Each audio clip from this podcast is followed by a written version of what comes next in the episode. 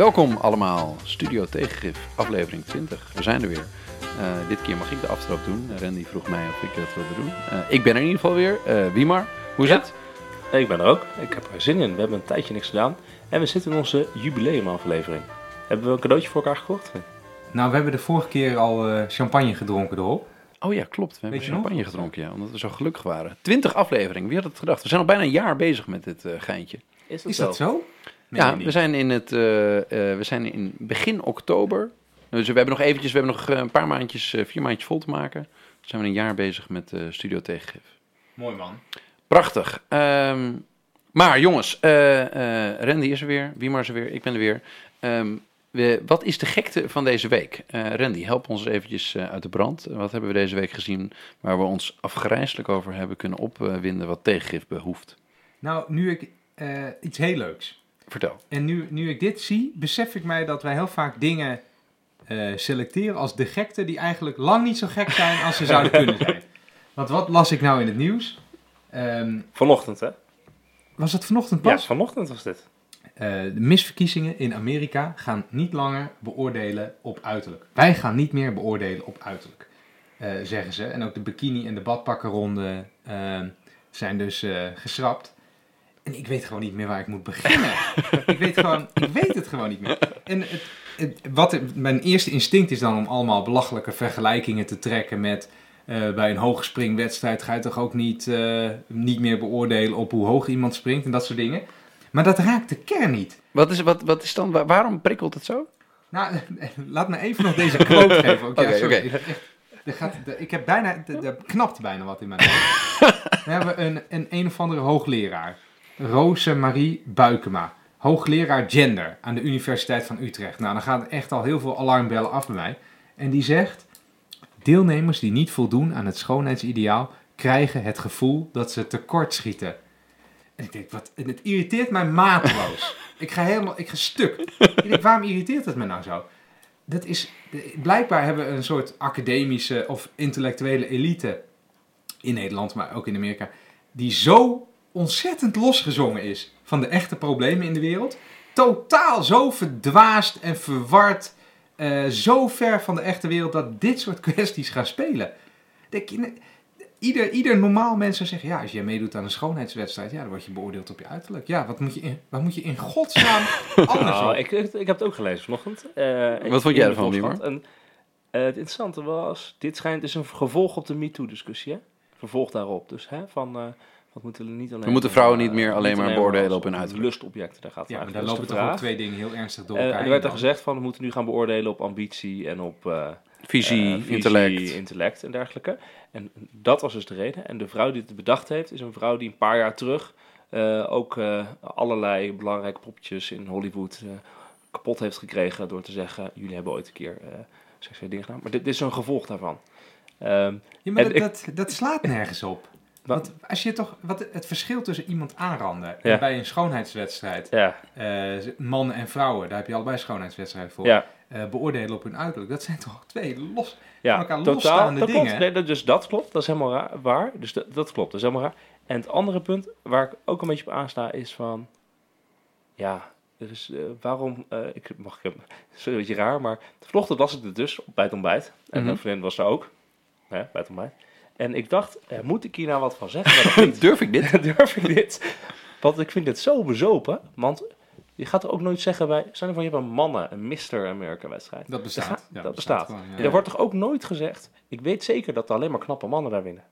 Vast, we kunnen het zo Ik weet niet of je je dan benadeeld wilt. voelt. Ja, het is- Ik weet niet het hoe je dan is- Dus me waarom de- is dit, waarom, weet je, waarom moet het alleen maar aan de vrouwenkant dan? En dat vind ik basketbal- ook raar. Basketbal voor kleine mensen. Ja, basketbal. Dat bestaat. Super bizar dit allemaal. Ik vond het echt heel bizar. En het mooiste vond ik eigenlijk dat vanmiddag kwam er een column uit van eh, Sylvia Witteman, de Volkskrant. En eh, die is meestal wat, eh, wat meer Genuanceerd. kant, genuanceerd. Maar nu maakt ze dit dus helemaal kapot. Ze zegt, een misverkiezing die zogenaamd om het innerlijk draait, is een rare hypocriete hybride. Dat is dus voor haar gewoon een term van dat ze het dus bizar vindt wat hier gebeurt. Toen dacht ik, oké, Mhm. ik had het dus wel gewoon kunnen zeggen vanochtend dat ik het helemaal geflipt vond. Maar je hebt het ook daadwerkelijk niet gezegd. Nou ja, ik heb rustig, heel rustig. Ik heb het gezegd, Ja. maar zo van, oké, ik zal wel afgemaakt worden hier. Maar ehm, het mooiste was deze quote. Of haar de, ze zei van, oké, Geen halfnaakte meisjes meer. De nadruk zal voortaan niet meer liggen op het uiterlijk, aldus de jury. Daar moest ik om lachen, zegt Sylvia. Alsof je een rij sappige varkens laat paroderen voor een jury van slagers, maar dan wel met hun hammen tot de hoefjes bedekt, want het gaat namelijk om de inhoud. Ja, dat vond ik wel een enorme, want dit is, ja, dit is gewoon een, een show natuurlijk. Dit is window Lekker, dressing en straks worden gewoon hele, hele mooie vrouwen, die winnen daar. En er staan ook alleen maar hele mooie vrouwen, die alleen maar als een soort model, zonnebank, haar gekleurd, eh, staan er natuurlijk allemaal. Oké, ik ga concluderen dat, wij, dat het nog steeds knettergoed gaat in Nederland. Eh, in ieder geval eh, wanneer NOS.nl gedomineerd kan worden door dit soort nieuwsfeiten. Ehm, want dit gaat echt helemaal nergens Ja, over. maar En het dit mooiste- gaat, het is, dit mooiste- is echt En het is mooiste is dat Nederland, dat, dat in Nederland dus een tegenreactie komt. Dat vind ik echt heel Oh mooi. ja, dat wij nog wel dat misverkiezingen mis, Nederland, Ja. dat, dat, die dus de organisatie zegt, dit gaat te ver. in. Ja, want wat jij zegt, daar, daar klopt natuurlijk niks van. Meestal wel, hè? Maar nu even niet. Oh, dankjewel. Want in Amerika gaat het helemaal niet zo goed. Daar, gaat, daar zijn talrijke problemen en toch hebben ze het over dit. Ja, Dit ik, de ik, maar ik, ik denk dat dit eh koren op de molen is van, van iedere alt-right gekkie en, eh, en Donald Trump en zijn eh, vrienden. Ja. Want die gaan natuurlijk zeggen, nou, oh, er mogen geen misverkiezingen meer. Wij gaan misverkiezingen houden, hoppatee. ja. Doe alles uit. Nou ja, lekker. ik heb me in geen tijden zo lekker geërgerd in elk geval weer. Dat Ja, dit is wel, lekker, ja, ja, als je, als je Ja. jou op Twitter volgt, dan is dit, was dit wel weer genieten, moet ik, eh, moet ik zeggen. Hoor. Dat Lekker, is, eh, ja, ja, dat is gekte. toch, ergens is dat ook weer lekker. Ja, Ja, ja. misschien dit jaar gaan- toch een keer kijken naar de Miss Nederland verkiezing. Ik heb hem nooit gezien. Ik ga uit protest gaan kijken. Kunnen we af, daar Ja, precies. Gaan Misschien leuker dan Eurosong. Misschien een leuk uitje voor Studio. Tegengif. We gaan naar de Miss Nederland verkiezing. Gewoon om onszelf daarheen. Ik vind het helemaal niet leuk, maar we gaan er naartoe. Maar jongens, we gaan verder. We gaan het hebben over het onderwerp waar we het eigenlijk over al, wilden, eh, al een tijdje over wilden hebben. Ehm, we gaan het hebben over ehm, een, een politieke partij in Nederland. We gaan het hebben over eh, de, de Volkspartij voor Vrijheid en Democratie. Eh, misschien een leuk... eh, eh, VVD. de VVD. Oké, jongens, even rustig aan. Ja. We gaan het, de VVD, dat is leuk om te weten. We weten misschien sommige mensen niet de, die luisteren dat de, de VVD eigenlijk een, een, splinterbeweging is. Het is een afsplitsing van de, van, de, van de PvdA. Misschien ook leuk om te horen voor sommige Mensen die luisteren, die, ja. Eh, VVD-aanhanger zijn of wel eens gestemd hebben, of, of PvdA-aanhanger zijn of dat wel eens gestemd hebben, dat in 1948 de VVD is opgericht door eh, de liberale stroming eh, binnen de PvdA. Dus in het, eh, het Amsterdamse Bellevue, dat is tegenwoordig een theater, is eh, die, die afsplitsing eh, gerealiseerd. En dat is nu dus eh, de grootste partij van Nederland. Ehm, maar wat wel leuk is aan die, eh, die, eh, die splinterpartij, ehm, is dat het eigenlijk al een jaar of 10, 15 onze politiek domineert. En dat wij dachten, laten we ons eens afvragen van hoe, hoe komt het nou dat dit zo'n machtig instituut is, zo'n goed geoliede machine en, en wat zit daar nou achter? Ehm, dus we dachten, we gaan het gewoon eens hebben over, over deze, deze eh, eh, Volkspartij voor Vrijheid en Democratie. Ja, want het interessante is dus om even... Ja, om gewoon maar eens dus eh, de in eerste ons- vraag te in stellen. ons- In ons klassieke Nederlandse politieke landschap is het altijd het verhaal dat we gedomineerd zijn door het CDA en door de Partij van de Arbeid. Hè? Maar sinds eigenlijk, nou, sinds ongeveer een jaartje of tien, heeft de VVD die dominantie wel behoorlijk overgenomen. Met drie kabinetten nu op rij, drie keer een premier. En ik dacht gewoon ter intro, om even te kijken van vanaf 2006, dus iets meer dan tien jaar geleden, hoe is het gegaan met de zetels van de VVD. 28 zetels in 2006. Toen waren ze nog klein, hè? Want CDA had toen 44 zetels en de PvdA had er 42. Dus je had toen Balkenende, Bos en ik, ja, wie zat er toen? Was toen Rutte ook lijsttrekker? Die haalde dus 28, denk ik, voor de VVD. Nee, Weet dat was niet Van. Aartsen. Van Aertsen, Ja, die trad toen 2006. af. Oh, die Ja, trad toen af. was Ja, niet genoeg. Gelijk. 2010, Rutte voor de eerste keer lijsttrekker, 31 zetels. Dus drie zetels erbij. Werd ze de grootste partij van Nederland. CDA verloor hem keihard, hè. Balkenende stopte toen ook. PvdA verloor ook. Eh, Cohen was toen lijsttrekker. En PvdA had 30 zetels. Toen, 2012, twee jaar later, had de VVD Rutte 41 zetels. PvdA 38 zetels. En 2017 33 zetels. En daarmee ruim, echt ruimschoots de grootste partij van Nederland. Want de eerstvolgende partij was de PVV met 20 zetels. En de VVD is nu al, nou ja, in ieder geval acht jaar gewoon de grootste partij van Nederland. Heeft drie keer de premier geleverd. En ook in de laatste peiling, ondanks alle dingen nu, dividendbelastingen, integriteitsschandalen, doe het dan maar op. Gewoon op 26 zetels in de laatste peilingen van dit weekend. En de eerstvolgende partijen volgen op 16, dus 10 zetels minder. Dat zijn GroenLinks en Forum voor Democratie. Dus we hebben nu gewoon echt, VVD is gewoon de klassieke, de allergrootste en allerbeste partij van Nederland. Ze zijn een beetje het, eh, het- de Bayern, wat Bayern München is in de Duitse competitie, is de VVD in de Nederlandse Nou ja, zoals politiek. Klaas Dijkhoff eigenlijk heel goed zei bij zijn speech van een paar weken terug. We hebben gewonnen. Ja, de VVD is gewoon. Van het spelletje Is- politiek. Special politiek hebben ze nu gewoon de afgelopen tien jaar hebben ze gewonnen. Oké, laten we dan even proberen een paar, onszelf een paar vragen te stellen over, over die, die VVD. Wat, wat is nou het, het succes achter die, dat ze telkens weer die, die verkiezingen winnen? Wat, wat, waar zit dat in, volgens jullie? Mag ik dat nu op Ja, nee, ik ben, ik ben wel Ja, benieuwd ja. Wat, jij, wat jullie denken. Wat, hoe kan het nou dat dit, dit, dit instituut, dat dit zo'n zo'n briljante, eh ja, stemmentrekkende machine is? Nou, de VVD is, een, is eh, een- absoluut een campagne-machine. het politieke, politieke bedrijf is altijd een beetje chaos en een beetje creatief en een, meer, meer kunst dan eh, wetenschap. Ehm, maar bij de VV VVD is een, is een bedrijf. Eh, wordt ook gerund als een bedrijf. Eh, je ziet ook de laatste jaren steeds meer eh, mensen die een risico zijn voor dat bedrijf, die worden ook eh, afgeserveerd. Eerst, dat gaat altijd volgens het vaste patroon dat Rutte zegt, ik sta achter je en ik laat je niet vallen. Dan heb je nog een week. ja, Dan, precies. Het klassieke, we hebben vertrouwen in trainer verhaal. ja, ja. Dus het, is, het is een soort bedrijf die zegt, wij vertrouwen de CEO volledig. ja. Want eh, je had zo'n site, eh, Wouter. Is er al een VVD'er opgestapt.nl? Nou, die, die, heeft, die site heeft het internet. Dat, Ja, eh, oké, eh, die kende jij. Ja, tuurlijk ken ik die. Ja, ja, dat, is- dat Een pareltje. En het, Ja. het, als, daar keken we net even op. Ehm, verbazingwekkend eh, veel staat daarop. We moeten het ook, we moeten, dat moeten we even parkeren. Ja, oké, we, gaan, het- we gaan het nog hebben over ehm, eh, hoeveel schandalen er geweest zijn binnen deze partij en hoe dat schijnbaar toch geen invloed heeft op de, de, de steun die ervoor is. Maar wat ik, wat ik als eerste even wil vragen is van oké, hoe komt het nou dat die partij telkens weer verkiezingen wint? Ja, en oké, zegt, de- jij zegt oké, het is een geolied bedrijf. Als je een tegenligger bent, dan word je heel snel eh, word je, eh, als het ware op een subtiele wijze op een, een dwaalspoor gezet. Dan, dan doe je niet meer mee. Maar hoe komt het nou dat ze stel, telkens die, die, de VVD in campagnes zo'n nou, Ja. echt kraakheldere Ja, campagne neer weet zetten? allerbelangrijkste- Echt hele hoge kwaliteit. Het allerbelangrijkste is natuurlijk gewoon de opkomst 2010. Hè? Dus in 2010 heb je Balkenende gehad, die heeft zijn vierde kabinet gehad. Houdbaarheidsdatum zit erop, dat merk je ook wel.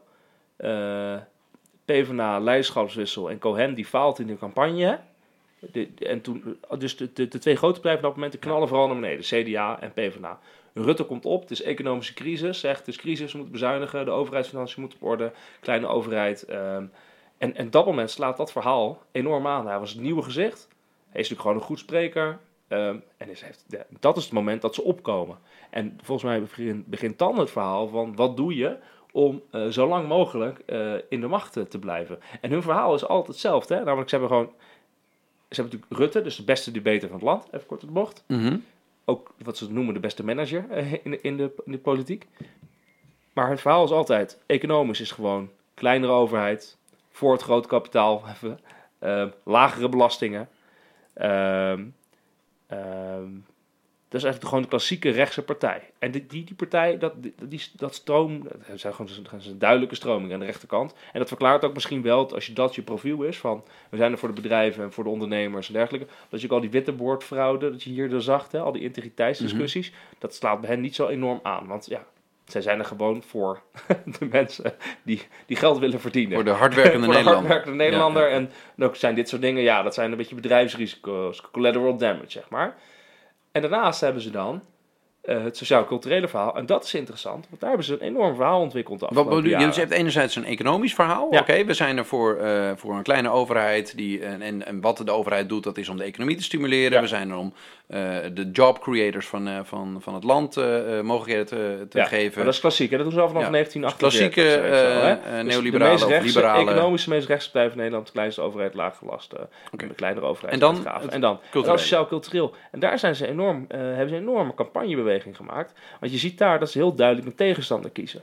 Dus in de crisis was, was het natuurlijk dat een probleem was dat eh, Griekenland, die verspeelde al het geld. Dus ze waren tegen Griekenland. Ze waren tegen ehm, Europa. Je ziet nu, de afgelopen periode weer, we zijn tegen bijstandsgerechtigden, want ze zijn ook profiteurs. Hè? Ze zijn tegen de Grieken, want ze zijn profiteurs. Ze zijn tegen, Griekenland, eh, tegen eh, Europa. En vervolgens nu ook nog steeds meer richting tegen de vluchtelingen. Als in, vluchtelingen, ja, dat is eigenlijk, pak eigenlijk zijn rijkdom af. Dat van- zijn allemaal van- uitingen van dezelfde strategie. Ja, Wat, Eh, wat is, nou, hoe zou je die dan omschrijven? Ja, dat wou ik net zeggen. Ja, Ja. Ehm, het is op de onderbuik spelen. Eh, puur op de emotie. Ehm, mensen zijn bang dat, eh, dat, dat eh, hun vluchtelingen hun koekje komen afpakken. Dat de Grieken hun koekje komen afpakken. Dat bijstandstrekkers hun koekje komen afpakken. Ehm, en de VVD past daarmee, eh, dat is een uitstekende strategie, maar past uitstekend ook in de tijdsgeest. Eh, want Ne- Nederland heeft nu altijd zoiets van een soort neerwaartse jaloezie. Hè? In Nederland zijn mensen die een ton verdienen, die zijn eh, bang en jaloers dat mensen in de bijstand hun welvaart komen opeten. Het is een beetje En mensen die, die geen ton verdienen, die verdienen nog geen ton. En die, vinden dat, die, die kunnen er tegenaan kijken dat mensen die een ton verdienen lekker bezig zijn. Dus we, Ja, dat weet ik eigenlijk niet hoor. Denk je dat? Nou ja, ik denk dat dat een beetje het, het, het, het narratief is dat je, dat je creëert. Van jongens, we, we creëren een soort, wat Wiemar ook Ja, schetst. het we hebben een narratief is de hardwerkende We Nederlander. hebben de hardwerkende er Nederlanders. We proberen een. Wat, wat- waar politiek altijd om draait, is eigenlijk gewoon. Je creëert een identiteit van mensen die je beschrijft. En eh, dat, is, dat is altijd een soort construct dat je verzint. En jij, zij creëren een identiteit van de hardwerkende Nederlander. Ja. En we gaan die in-group, die gaan we omschrijven. En we, om een in-group te omschrijven, heb je altijd een out-group nodig. Ja. Van de mensen die er niet bij horen. En ze zitten heel mooi te boetseren. Wie er niet bij horen, dat zijn de mensen die niet hard werken. Dat zijn de mensen die profiteurs zijn. Het zijn de mensen die van buiten komen. Die het systeem van hardwerkende mensen proberen aan Ja, te dat is een tasten. ijzersterk verhaal. Want er zijn twee groepen volgens de VVD. Namelijk de groep die inderdaad hard werkt. Ik vind dat echt, dat is echt de beste eh Ja, politieke slogan ooit, hè? die rechts ooit had kunnen bedenken. Ja. Dat zijn de mensen die alles betalen, die alles regelen en die Ja. alles doen. En dan heb je de mensen, de Grieken, de migranten, de bijstandstrekkers. Ja. Dat zijn de, de, hoe zeg je dat? Dat zijn de profiteurs, dat zijn de bloedzuigers en de- dat zijn de parasieten van de Ja, maar samenleving. dat is dus het interessante, want de terminologie is precies dit. Hè? Dus Rutte zegt heet het de hardwerkende Nederlanders. Klaas Dijkhoff, de afgelopen speech, had over goed volk. Zoals zij dat dan Ja, noemen in die vond ik Brabant. minder. Die vond Dat ik vind ik minder, maar het is elke keer, je probeert dezelfde groep mensen te Hetzelfde benaderen. En aan de andere kant heb je dus inderdaad de profiteurs. Dus het interessante nog is, hadden we net een discussie over, Wouter, dat in dat verhaal van de VVD zit dus een enorm solidair verhaal. Hè? Het gaat, uiteindelijk is de kern is solidariteit. Want er is een hele grote groep mensen die keihard werkt, Ja. die dus met z'n allen betaalt voor allerlei sociale regelingen. Maar ja, eh, die willen, die, die solidariteit wordt op de proef gesteld. Want je hebt allemaal van die bijstandsgerechtigden die, die eigenlijk maar niet werk willen aanvaarden. Hè, Rutte heeft een keer gezegd, mensen die hun baan verliezen, die rennen veel te snel naar het UWV. In plaats van dat ze een baan gaan zoeken, dat is een paar jaar terug. Ehm, hè? Hij heeft ook een keer gezegd, die vluchtelingen die hier komen, die moeten in de, achter in de rij aansluiten voor een sociale huurwoning. Want eh, ja, anders dan, eh, dan ben je profiteur. Dus het gaat ten Ja. koste van solidariteit. Ook een keer gezegd natuurlijk met, toen met eh, de, de hardwerkende Nederlander. Dus het gaat ook om echt om Nederlanders. Ja. De Turken en die, eh, de, de, de, de opstanden in Rotterdam. Of de opstanden, eh, de, de vlaggedragers in Rotterdam. Was het, anders pleur je maar op. Hè? Ja. Dus er zit echt een. Het is zo enorm slim van die, die tegenstelling. En altijd dezelfde mensen naar wie je naar beneden schopt. maar ik wil nog even een vraag stellen. over. Wat bedoel je nou met dat solidariteitsverhaal? Met, eh, want Kijk, wij zijn hardwerkende Nederlanders. Ik ga even het verhaal doen. Hè? Ja. Wij zijn hardwerkende Nederlanders. Ja, we gaan elke dag om eh, s ochtends vroeg naar zijn werk, s'avonds, vijf dagen in de week, zes dagen in de week. We werken keihard voor ons gezin. We doen er alles aan. En we betalen vette belastingen voor een veel te grote overheid. En het, eh, eh, maar gelukkig wonen we in een heel gaaf land. Vinden we hartstikke mooi. En we willen ook best betalen voor mensen die wat minder hebben. Maar we willen alleen maar solidair zijn met mensen die echt pech hebben. En willen niet solidair zijn met mensen die in de bijstand zitten, maar een potje van maken, geen werk eh, eh, eh, opnemen. Willen ook niet solidair zijn met migranten die maar een beetje geluk komen zoeken hier. Hebben we helemaal geen zin in. Willen niet solidair zijn met allemaal Grieken die van ons geld een beetje daar eh, een loopje mee nemen. Willen ook niet solidair zijn met allemaal ambtenaren in Europa die een beetje van ons belastinggeld daar een beetje duimen zitten te draaien. Dus, de, dus de, het idee van solidariteit van wij willen best betalen voor iemand die wat minder net, die heeft. net zo is Die zoals net- wij. Ja, net zoals wij. Dus als jij echt, je, je werkt keihard, maar dan heb je pech. Daar wil je als VVD heel goed voor betalen. Maar iedereen die je weg kan zetten als iemand die niet hard werkt, die dus gelukzoeker is, die gewoon in de bijstand zit en geen werk sorteert, die die in Griekenland een beetje van onze geld zitten te, te, te, te rentenieren. En van de, van de Europese Commissie-types die we aan het betalen zijn hier. Daar wil je niet geen geld voor opzij zetten. Ja, En en dat is toch precies het verhaal van de VVD. en dat is een heel goed verhaal, maar Ja. ik zou toch zeggen het is een eh, campagneverhaal. En het is geen inhoudelijk verhaal. Dit is precies wat ik wilde zeggen. Ehm, die solidariteit, ik snap precies wat je zegt, hè, maar die solidariteit komt namelijk nooit tot stand. Want op het moment dat je wel in de bijstand belandt, Ja. dan word je meteen als een eh, profiteur weggezet. Ja. En wat vind ik, ehm, eh, en waarom zeg ik het is een campagneverhaal? Ehm, de VVD leidt altijd, de VVD doet voorkomen eh, dat de problemen die wij hebben worden veroorzaakt doordat mensen van ons profiteren. Ja. Alle pro- hè? Je zegt, oh, er Zeker. zijn te weinig ik deed het sociale... VVD-verhaal. Ik heb zo vaak gehoord, kan u van vertellen. Dat is ook best Nee, maar- geloofwaardig. Als we hem uit elkaar trekken, eh, eh, mensen, jij wil een sociale huurwoning, maar dat kan niet, want er zitten vluchtelingen in. Dus dat is het probleem. Niet Ja. van, hè, er zijn, we, hebben de, Te weinig sociale we huurwoningen. hebben de publieke sector kapot gemaakt. Nee, eh, er zijn vluchtelingen. En die staan voor jou in de rij. Je staat al heel lang in de rij, maar er is toch een soort bruin iemand uit Syrië, die, hup, die gaat ja, opeens voor jou eh, eh, in de rij. En zo gaat dat voor al die dingen. Ehm, en daarom denk ik, het is, het, het is dus in de eerste plaats een super succesvolle campagne en geen inhoudelijke visie op Nederland. ik heb het wel eens zo horen zeggen dat iemand zei van het is eigenlijk ja, een, een conservatieve belangenvereniging met het liberalisme als marketingslogan. En ja, ja, ja. dat, ja, ik, ik vond het toen eh, eh, interessant om zo te horen. Maar dat, het werkt wel ontzettend goed, dat, eh, eh, het, het, het marketingverhaal. Ja, in zichzelf kan je zeggen, het is een wonder dat een partij die eigenlijk maar twee dingen doet, namelijk consequent de publieke sector afbreken en geld Ja. tillen naar rijke mensen, dat dat de grootste dus het, partij het van wonder Nederland is, is. Het wonder is dat het dus rationeel niet klopt, maar dat het dus emotioneel extreem aanslaat. Ja. En dat is dus, daar, ik Ja, een gewoon- bruggetje maken, voel je Ja, ja, ja, Namelijk, eh, dit is een artikel, als je geïnteresseerd bent in de VVD, moet je het allemaal lezen. Een artikel van Tom Jan Meeuwis, dus de beste politiek verslaggevertje in de, van de NRC. Die heeft ooit een keer een artikel geschreven, Meeuwis in april dit jaar. Zei ik, eh, Dat is een meeuwis. Dat, Oh, is- sorry, dat is een zanger zanger uit die uit Brabant. Ja. Dat is de beste Zanger uit Brabant. Brabant. De beste, de beste Brabantse zanger.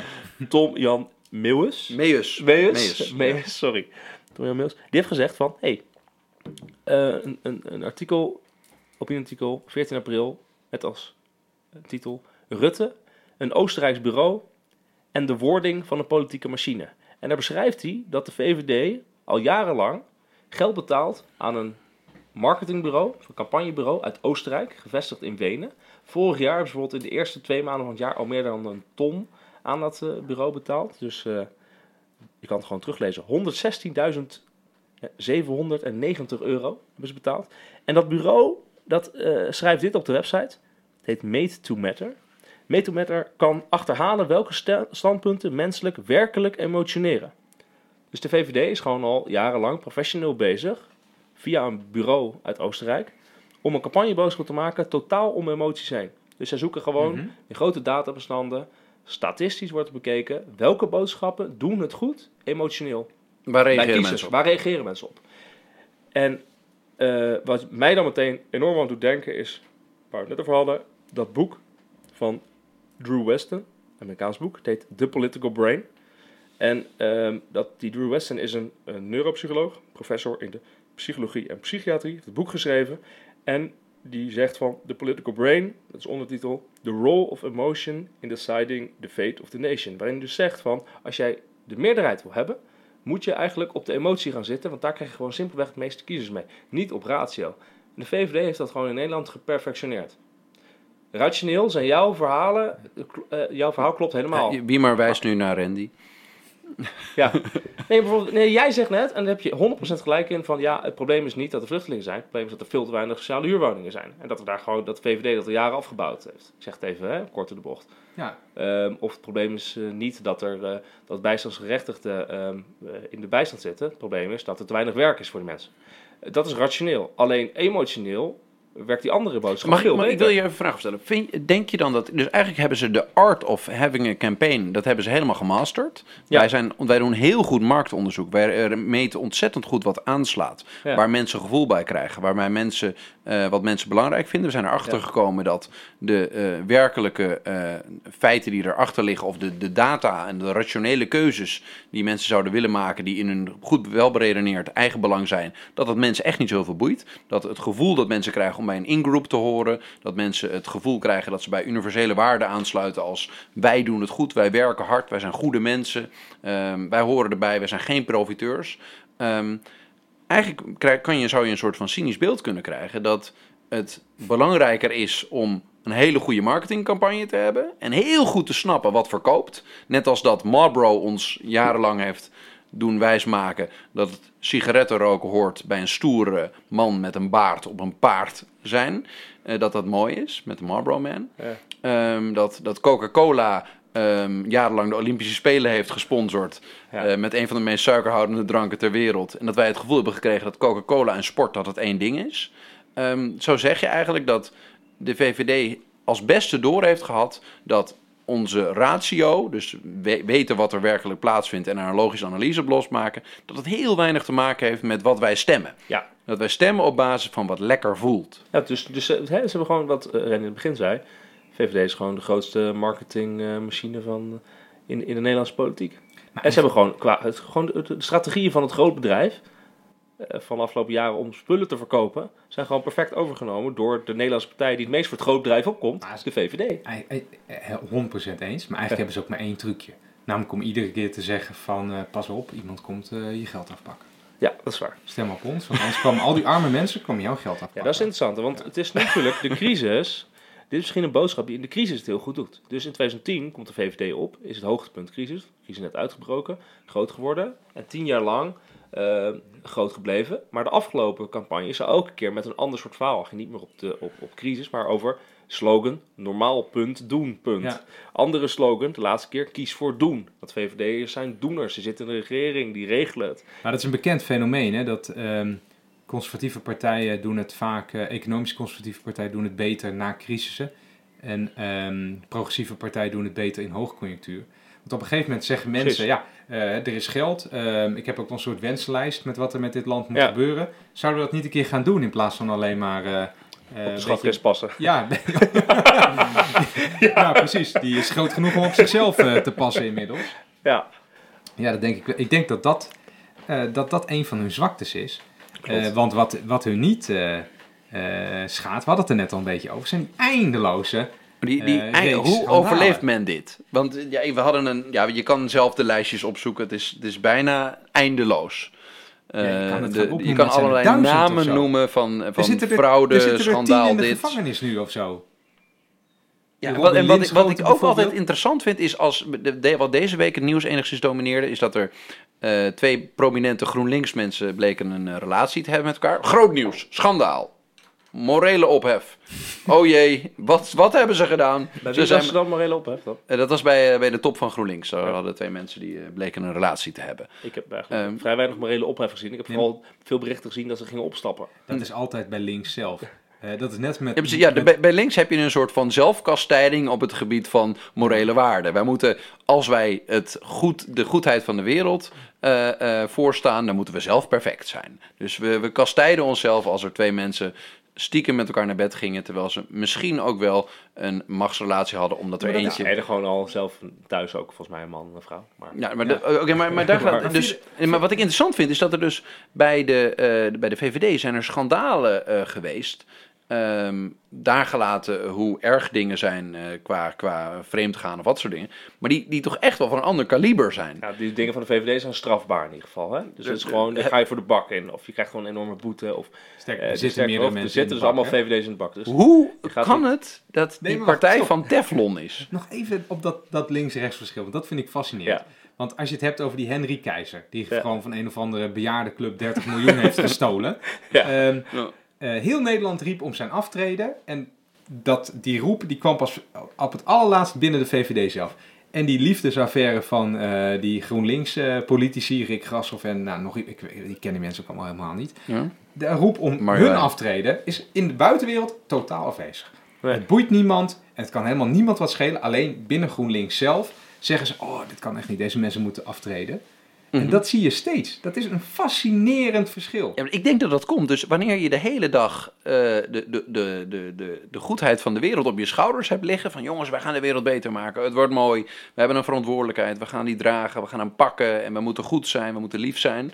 Ja. Dat, dat is heel zwaar. Want dan moet je zelf ook van onberispelijk gedrag zijn in de gedachten van de mensen die je vertegenwoordigt. Dus jij zegt, een VVD'er zegt eigenlijk impliciet, ik deug niet. Dus als, wanneer dan blijkt dat ik niet deug, ja, dat is prima. Nou nee, nee, ik kan best een beetje niet deugen. Maar wanneer ik het maar fix, dat is het belangrijkste. Als ik gewoon fix dat ons belang gediend wordt. En Ja. wanneer ik vertegenwoordig wat jij gerealiseerd wil hebben in de maatschappij. Ja. Dan kan ik soms best een klein beetje sjoemelen. Zolang je maar een hardwerkend Nederlander bent, gewoon goed volk, en gewoon zegt, kies voor doen, is er niks aan de hand. Ik vond het prachtig. Ik, ik kan me aan- ik zou nooit meer vergeten een, een, een uitspraak die, die iemand die eh, rond Van Rij werkte, die zei, eh, die zei heel mooi van, eh, dit was toen Jos van Rij in, in Roermond was weer eens een opspraak gemaakt, die zei, boven de rivieren sjoemelen ze en onder de rivieren we, geven we tenminste toe dat we sjoemelen. Ja, is het ook niet erg. Die zegt van ja, jongen, iedereen sjoemelt en bij ons komt het wat meer aan het licht. Hadden jullie eh, de, de, de integriteitscommissie van de VVD met eh, het laatste rapport over Vertel. een eh, onder vuur liggende Kamerlid? Dat moet een van de VVD. meest overbelaste clubs van, Ja. van Nederland Ik zijn. denk dat ze daar echt een keer moeten gaan nadenken over de arbeidsvoorwaarden. En vooral die balken en de beloning daar bij die integriteitscommissie, die moet ook weg. Hè? Het, is, het moet echt veel, veel, veel beter betaald worden.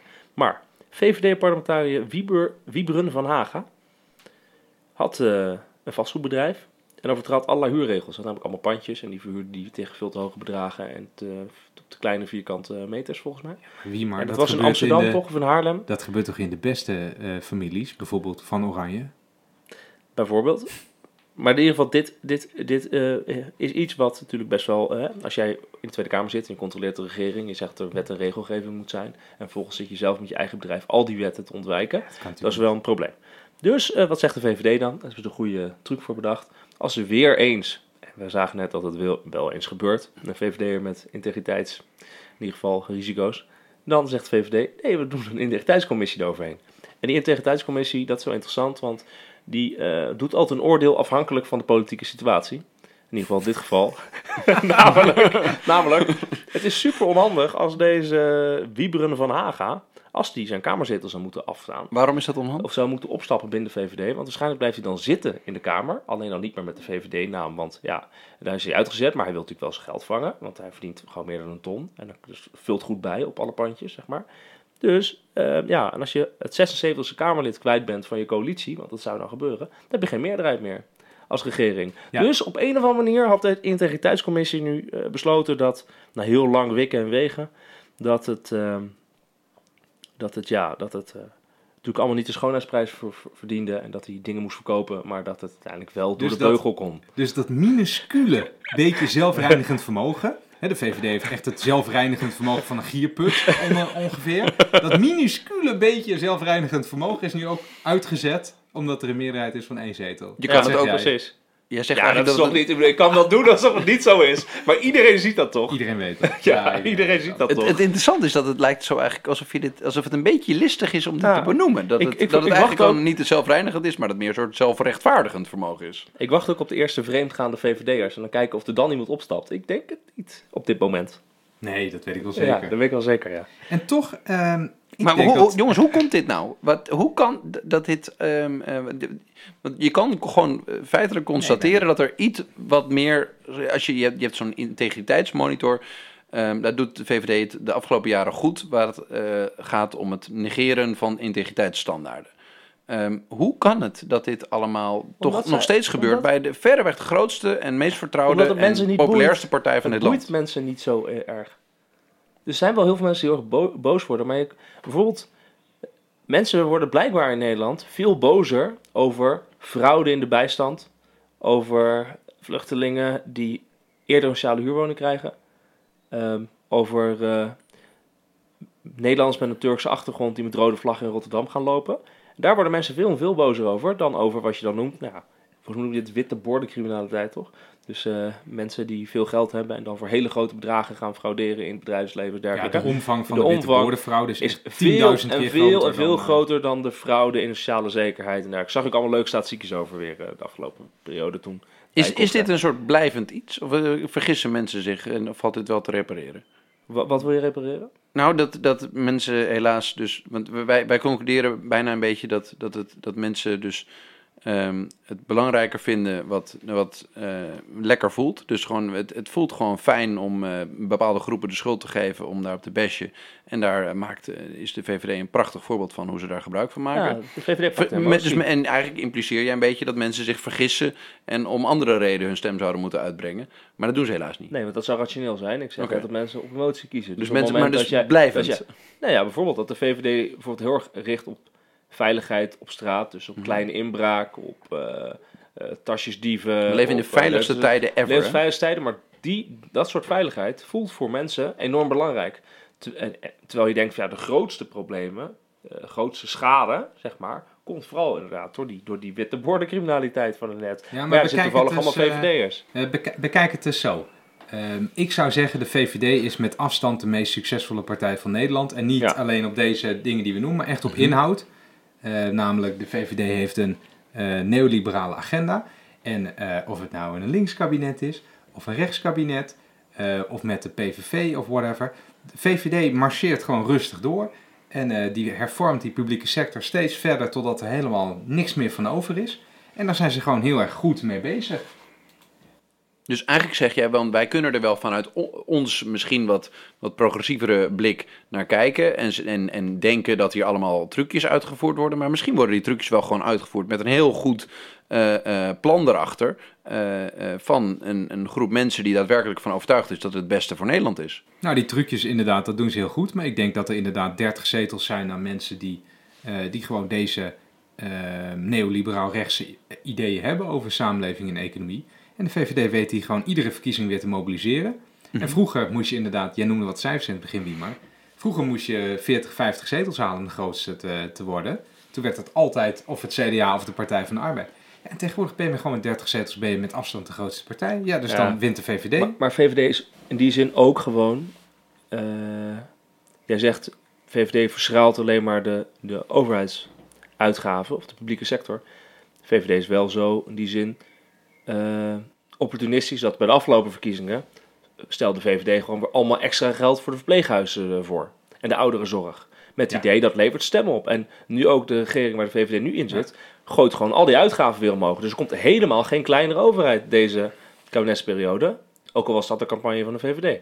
Dus zij snappen heel goed dat verhaal van net, wat jij zei van... ja, als het goed gaat met de economie, dan kun je het niet uitleggen dat we gaan bezuinigen. Dan snapt de VVD heel goed. Die gaat het dan ook echt niet doen. Die zegt, oh, het wordt weer tijd om iets aan de zorg uit te geven. Het wordt tijd om iets aan infrastructuur te doen. Kom, we, gaan, we geven Defensie extra geld. Kom, doen ze zo als een eh, blad in de wind. Draai hem om. Hey jongens, ik wil, nog even, ik wil nog een laatste ding bespreken. Want we zitten, we, we- ik vind het een leuk gesprek, maar we gaan, we- het gaat best wel eh, snel. Ehm, de- wat we nog niet helemaal besproken hebben, is dat de, de VVD, eh, de partij waar we het over hebben, het ontzettend goed doet door één belangrijke factor. Dat is onze minister-president Mark Rutte. Ja. Er bestaat een redelijke kans dat ehm, wanneer dit eh, eh, huidige kabinet zijn, eh, zijn taak volbracht heeft, dat meneer Rutte misschien wel eens wat anders gaat doen. Wat gebeurt er dan? Nou, het interessante is dat de VVD doet alles bewust. Dus ze zetten ook altijd zeg maar, een, nieuwe, een nieuw fris gezicht voor de toekomst. Maken ze altijd fractievoorzitter. Ze hebben nu Klaas Duiken fractievoorzitter gemaakt. Die krijgt dan volgens de taak om in het publieke debat zich als een totale hork te gedragen. Eh, net zoals Halbe Zelstra hiervoor. Hè? Om, die moet dan het rechtse geluid. Dus ze moet inderdaad trappen richting sociale zekerheid, richting eh, migranten. Dat staat in de functieomschrijving. Staat in de functieomschrijving. Eh, heeft Peter Middendorp een geweldig mooi stukje in de Volkskrant over gelezen. Die zij geschreven zijn namelijk, dat is even gewoon om te zeggen. Het fractievoorzitterschap van de VVD is geen baan, maar een rol. Bij binnenkomst lever je eerst je persoonlijkheid in. Daarna stap je in het buikspreekpak van de jongens van de PR en marketing. Mensen die al zo lang spinnen dat hun kompas is doorgedraaid. Vervolgens zeg je vier jaar lang om de zoveel tijd op commando iets loms en akeligs. Dat mensen en de waarheid geweld aandoet. Intussen Faustiaans verlangen naar een wereldlijke beloning namelijk het hoogste heerlijkste ambt. Nou, het zou dus gaan om premierschap, in dit geval voor Dijkhoff. Hij denkt dus dat, dat, dat hij het niet gaat redden. Wat, nee, oké, maar Omdat hij, waarom... hij is niet goed, hij, omdat hij, eh, hij heeft nog geen zware eh, achtergrond. Hij komt nu een beetje toch wel hard rechts in het nieuws. Ehm, we hebben nog niet, VVD doet denk ik vooral goed met een nieuwe persoon in een tijd van crisis. Dat gaan we niet zien. Dus ik denk uiteindelijk niet, eh, Wat denk jij, uiteindelijk niet dat hij het redt. Ik denk dat er een, dat andere mensen op gaan komen. Ik denk, eh, ik ben het met je eens. Ik denk het ook niet. Ik, ik, met Rutte, ja, Rutte is best wel een oké premier. Hè? Rutte die weet altijd wat hij moet zeggen. Eh, die weet altijd wanneer hij weer een arm om een, eh, eh, om een bejaarde heen Dat was slaan. ook prachtig nieuws vandaag. Hè? Ik heb zelfs op mijn werk vandaag, ik maakte een grap eh, tegen iemand van, zal ik even een kopje koffie omgooien? Dan kan ik het daarna zelf gaan opruimen. Dat is goed voor de beeldvorming. Dat deed Ja. hij ook weer echt Dat briljant. doet hij zo. Hij, je, je een beetje waas. Oh, dat is Hij had gewerkt ja, vandaag, ik heb bij- niet Hij kwam binnen bij het ministerie van Sociale Zaken Ja. samen met, eh, met Alexander Pechtold. Ehm, en hij, hij gooide zelf zijn eigen koffie om.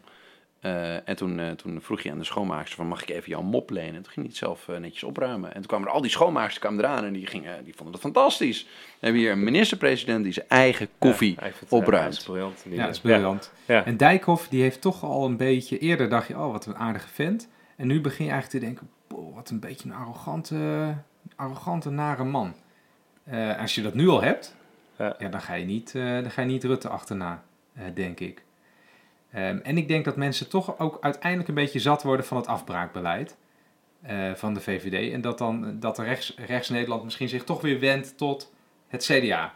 Oké, dus jij denkt eigenlijk van dus de, de- die marketingmachine die erachter zit, dus die briljante campagnemachine van de VVD, dat die niet nu bezig is om een fantastische strategie voor het Post-Rutte-tijdperk te ontwerpen, maar- die gewoon heel goed gaat werken. Maar Rutte is zelf zo'n sterk beeld.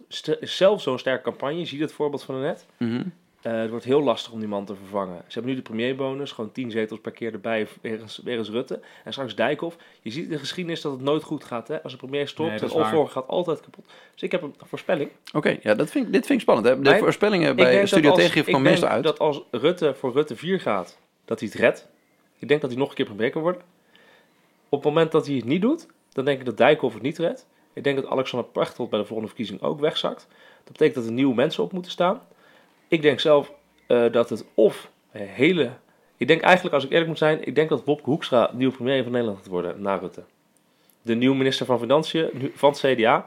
Je, je, moet, denk- je moet nu nog uitleggen wie het is, hè? Ik denk dat hij, ik denk dat hij als hij er een paar jaar blijft zitten, dat, dat ze bij het CDA denken, Buma kan het niet aan. Wopke Hoekstra doet heel goed in de media, is minister van Financiën geweest, heeft een hele goede stem. Hugo de Jonge lijkt me een beetje liability met zijn schoenen en zijn iets te extraverte uiterlijk. Of gezegde, zeg maar. Dus ik denk dat het best wel eens kan dat we straks ineens eh, Wopke Hoekstra als premier hebben. Wat zei je nou? Hij heeft een hele goede stem. Net als Job Cohen bedoel je, die nu boeken inspreekt. luisterboeken Wat zei ik? Een goede stem? Ja, dat Een goede stem, ja. Hij heeft een hele goede stem. Oh, eh, Nou, ik ben het wel met je eens hoor. Ik denk, eh, mannen met een piepstem kunnen geen premier worden. Nee, dat, dat sa- straalt geen gezag uit. Nee, Maar dus, en ik, dus, ja, wie, wie zie je nog meer die dat zo kan dat eh, nou worden? onbewust of niet? Ja, je, kijkt, je kijkt nu een beetje verbaasd. Ja, ik denk dat ik het onbewust zei. Ik weet niet. Wat denk jij, Randy? Wat gaat, wat gaat er gebeuren? Ik denk Mocht. dat het CDA niet zo verstandig is dat ze Buma op tijd aan de kant zetten. Dat denk ik. Oké, je denkt dat die Buma laten zitten en het laat proberen tegen de opvolger van Of eh, een man met een gek piepstemmetje gesproken. Ja. Ja, maar ja, dan ja. is de vraag, als Rutte niet meedoet, Buma doet wel mee, Pechtold, er moet ook een opvolger voor Pechtold komen.